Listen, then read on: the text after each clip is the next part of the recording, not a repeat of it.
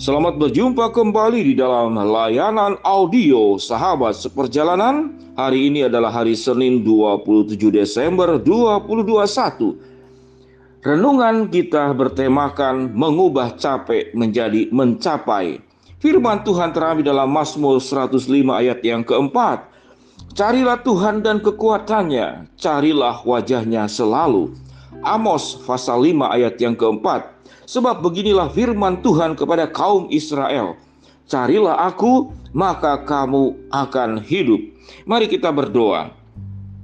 Bapa yang di dalam surga di tengah kelelahan hidup yang biasanya menjelang Natal, menjelang tutup tahun, memasuki tahun baru, adalah hari-hari yang indah kami mengalami keuntungan, kami mengalami keberhasilan, kami tersenyum lebar namun dua tahun terakhir ini karena pandemik kami merasakan bahwa senyum itu sesuatu yang sulit.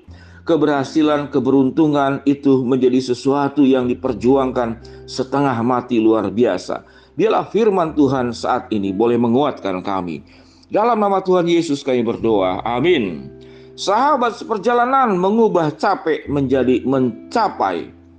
Kita tahu bahwa kehidupan selama pandemik dua tahun ini merupakan masa-masa yang sulit, masa-masa yang berat, masa-masa yang membuat pundak kami itu harus terus menanggung beban, sekalipun merasa letih dan tidak sanggup lagi, beban itu tetap tidak berkurang, bahkan mungkin bertambah. Sahabat seperjalanan yang dikasih Tuhan, sebelum kita membahas kebenaran firman Allah, sahabat seperjalanan perlu memahami bahwa engkau tidak mengalami sendiri. Ada banyak orang yang hidupnya jauh lebih susah dari kita. Ada banyak orang yang hidupnya jauh lebih terpuruk dari kita. Mereka-mereka yang sebelum pandemik untuk makan pun sulit. Dalam kondisi pandemik, makan menjadi sesuatu yang sangat sulit untuk memenuhi kebutuhan keseharian saja. Sebelum pandemik adalah perjuangan yang berat pas pandemik perjuangannya menjadi sangat berat. Mari kita melihat bahwa di dalam kelelahan, di dalam capeknya hidup kita, kita tidak sendiri. Ada orang-orang lain pun berjuang dengan hidupnya yang lebih susah dari kita. Itu yang pertama. Yang kedua, sahabat seperjalanan, bahwa firman Allah mengajarkan kita kelelahan kita, beban hidup kita, beratnya perjalanan langkah kita, engkau tidak berjalan sendiri. Yang pertama tadi, engkau tidak sendiri. Ada orang-orang yang lebih susah dari dirimu. Yang kedua, engkau pun tidak sendiri.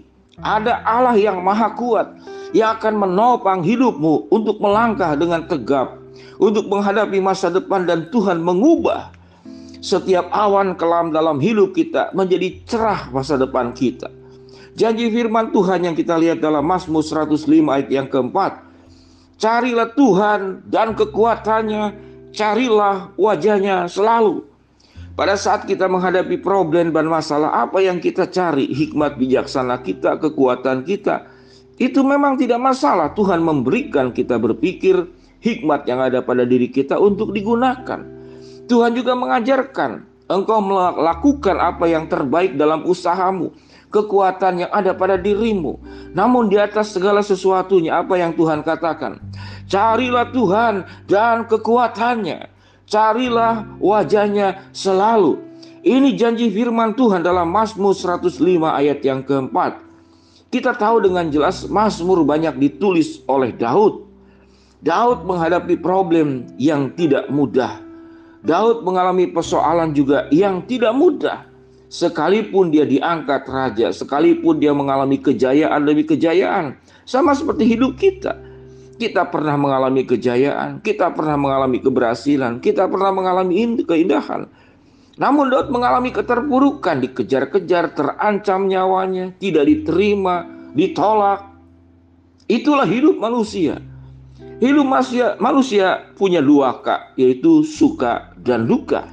Jadi ada dua K, Kiri dan kanan, suka dan duka. Ada dua K juga, kiri kanan. Itu tangan kita. Kaki kita juga kiri kanan. Itulah hidup yang kita harus lewati. Maka kehidupan belajar seperti pelukis. Pelukis itu dia memakai semua warna untuk lukisannya. Merah, kuning, hijau, pink, oranye. Ini warna-warna cerah sebagai seorang pelukis. Namun pelukis mengatakan yang membuat warna itu menjadi indah, yang membuat lukisan itu menjadi luar biasa. Ini para pelukis yang menyebutkan. Saya pernah bertemu dengan seorang pelukis satu lukisan itu 20 juta paling murah 40 juta, ada yang sampai 100 juta lebih.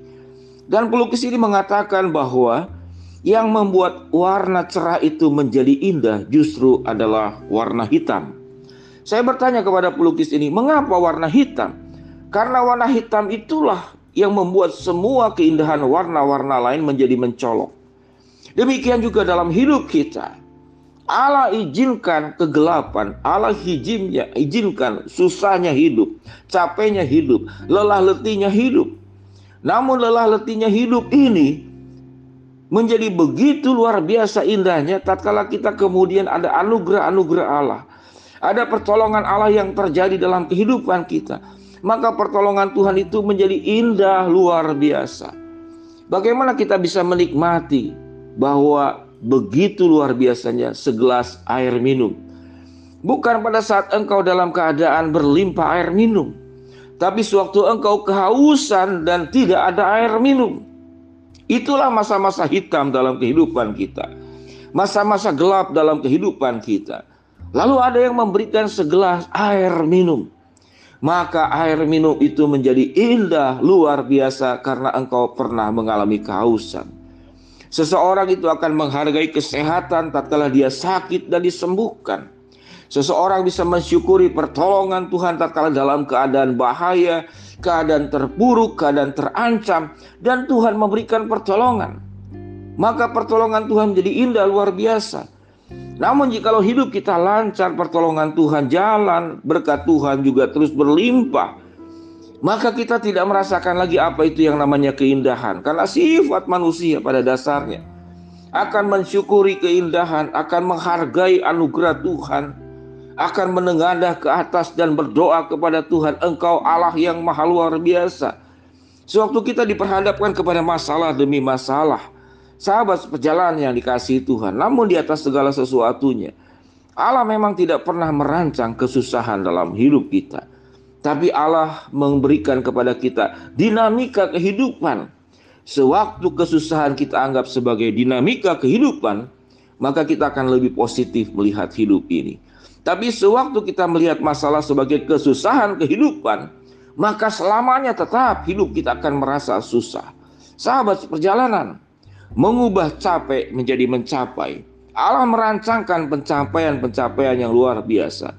Carilah Tuhan dan kekuatannya, carilah wajahnya selalu. Sebab beginilah firman Tuhan kepada kaum Israel. Carilah aku, maka kamu akan hidup. Tuhan tidak pernah akan mematikan masa depanmu. Tuhan tidak pernah akan mematikan semangatmu. Tuhan tidak pernah akan mematikan langkah hidupmu. Tapi Tuhan akan membuat kamu hidup oleh sebab itu carilah aku.